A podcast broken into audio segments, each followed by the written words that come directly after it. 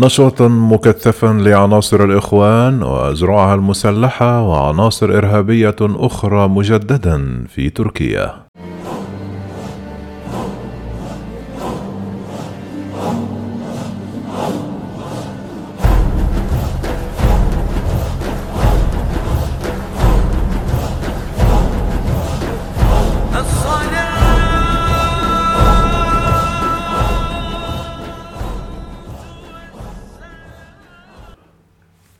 رغم تأكيد أنقرة أنها تقوم بالتضييق على عناصر الإخوان المسلمين المصريين وبتوقيف أنشطتهم الإعلامية تمهيدا للتقارب مع مصر إلا أن الأيام الماضية شهدت نشاطا مكثفا لعناصر الجماعة وأزرعها المسلحة وعناصر إرهابية أخرى تابعة لها. تستضيف تركيا وتحديدا في مدينة إسطنبول مؤتمرا يختتم فعاليته اليوم الاثنين تحت عنوان شباب التغيير. عقد من النضال وخطوة للمستقبل. شارك فيه عدد من قيادات جماعة الإخوان في مصر والعالم العربي وقيادات حركة حسم الجناح المسلح لجماعة الإخوان بمصر. ويستضيف في هذا المؤتمر وفق كلمات المشاركين فيه إعادة إحياء ثورات ما عرف بالربيع العربي وإعادة الشباب الهاربين لتركيا إلى بلدانهم مجددا للمشاركة في عملية التغيير وإزالة الأنظمة حسب تعبيرهم.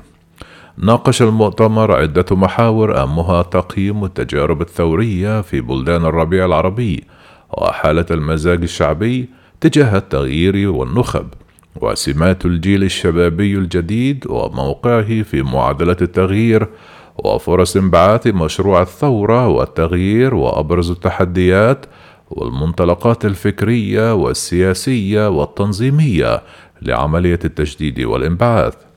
كان لافتا مشاركة حزب العدالة والتنمية التركي الحاكم في المؤتمر حيث قدم مصطفى شان نائب رئيس الحزب كلمة قال فيها ان الشعوب تعيش تحت وطأة الحروب والمآسي والحروب الداخلية والإرهاب ومن الممكن أن تعيش المنطقة بأكملها تغيرا جذريا على يد الشباب.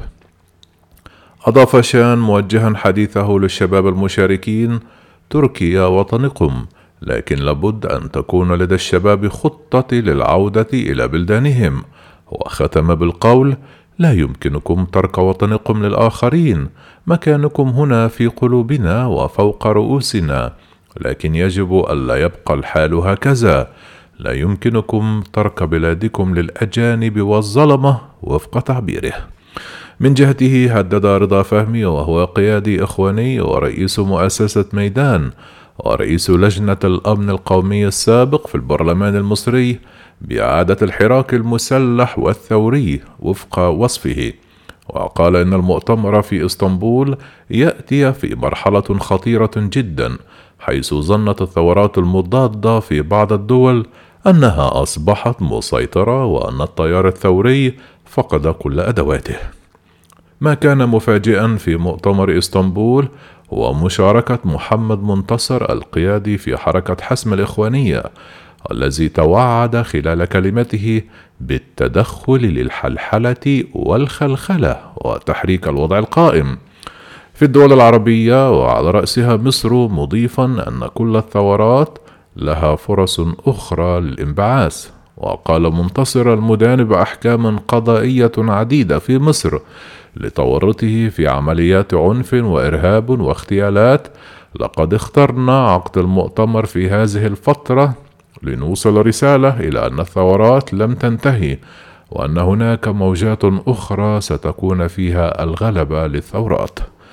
ما لم يكن معلنا من قبل لكن تكشف خلال المؤتمر وظهور محمد منتصر علنا هو استضافة تركيا لقيادات حركة حسم الإخوانية المدرجة على قوائم الإرهاب الأمريكية على أراضيها وتوفير غطاء لهم للعمل من جديد من خلال مؤسسة ميدان. تستضيف هذه المؤسسة تدريب الشباب على الاحتشاد في الميادين والعمل المسلح وتنفيذ التفجيرات واستهداف والأفراد والمنشآت خلال الحركات الثورية. يتوافق ذلك مع تكشف من معلومات صاحبت عملية القبض على حسام سلام قيادي حسم الذي كان متوجها لتركيا قادما من السودان قبل أسبوعين. وتم القبض عليه في مطار الأقصر خلال هبوط طائرته اضطراريا حيث أكدت تلك المعلومات أن قيادي حسم كان متوجها لتركيا بتعليمات من قادة الجماعة المتواجدين هناك لإعادة إحياء اللجان النوعية المسلحة وإطلاقها للعمل من جديد. لم يكن مؤتمر التغيير الذي عقدته جماعة الإخوان على الأراضي التركية وناقشت فيه سبل تجديد وإطلاق العمل المسلح هو النشاط الوحيد الذي مارسته الجماعة على الأراضي التركية رغم مزاعم التضييق عليها. بل كان هناك نشاط آخر تواكب مع ذلك. فقد أجرت جمعية الجالية المصرية بتركيا أمس الأحد انتخابات لاختيار أعضاء مجلس إدارة جديد كما أسفرت الانتخابات عن فوز قائمة الإخوان عادل راشد برئاسة الرابطة ومعه الإخواني سيف الدين عبد الفتاح أستاذ العلوم السياسية ومستشار الرئيس المعزول محمد مرسي. أما المفاجأة فكانت في اسم آخر فاز ضمن القائمة وهو محمد الغزلاني المدرج على قوائم الإرهاب الأمريكية لصلته بتنظيم القاعدة. وفي سبتمبر الماضي أعلنت وزارة الخزانة الأمريكية فرض عقوبات على خمسة أشخاص هم ثلاثة أتراك ومصريان اثنان لصلاتهما بتنظيم القاعدة. وكان من بين المعاقبين مجدي سالم وهو محام مقيم في تركيا.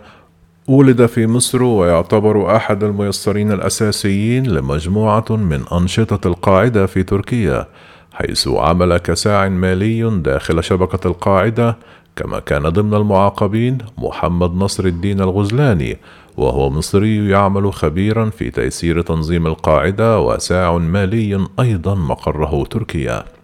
كشفت المعلومات أن غزلاني استخدم التحويلات النقدية لدى تنظيم القاعدة وكذلك لتوفير الأموال وتحويلها لحسابات عائلات أحد أعضاء القاعدة المسجونين وغزلاني هو أحد الإرهابيين المحكومين عليهم بالإعدام في قضية أحداث كرداسة التي وقعت في عام 2013 ويبلغ من العمر 57 عاما. وهو المتهم الأول والرئيسي في القضية التي شهدت حرق قسم قرداسة وقتل ضابط على رأسهم اللواء نبيل فراج مساعد مدير أمن الجيزة عقب فضي اعتصامي رابعة العدوية والنهضة. كما أن أحد المتورطين في قضية خان الخليل في التسعينات وانضم لتنظيم طلائع الفتح مع محامي الجماعات الإرهابية مجدي سالم وتم اعتقاله والحكم عليه بالسجن ثم أفرج عنه بعفو من الرئيس الراحل محمد مرسي. كان يتولى تنفيذ تكليفات لخيرة الشاطر نائب المرشد العام لجماعة الإخوان بالتواصل والاتصال مع التكفيريين وعناصر الجماعات المتطرفة في سيناء. ورصدت الأجهزة الأمنية لقاءات بينه وبين قيادات إرهابية في سيناء. وعقب فض اعتصامي ربعة والنهضة ومشاركته في مذبحة كرداسة وتورطه في قتل ضباط وأفراد الشرطة هرب إلى تركيا وعاقبته محكمة مصرية بعد ذلك بالإعدام شنقا.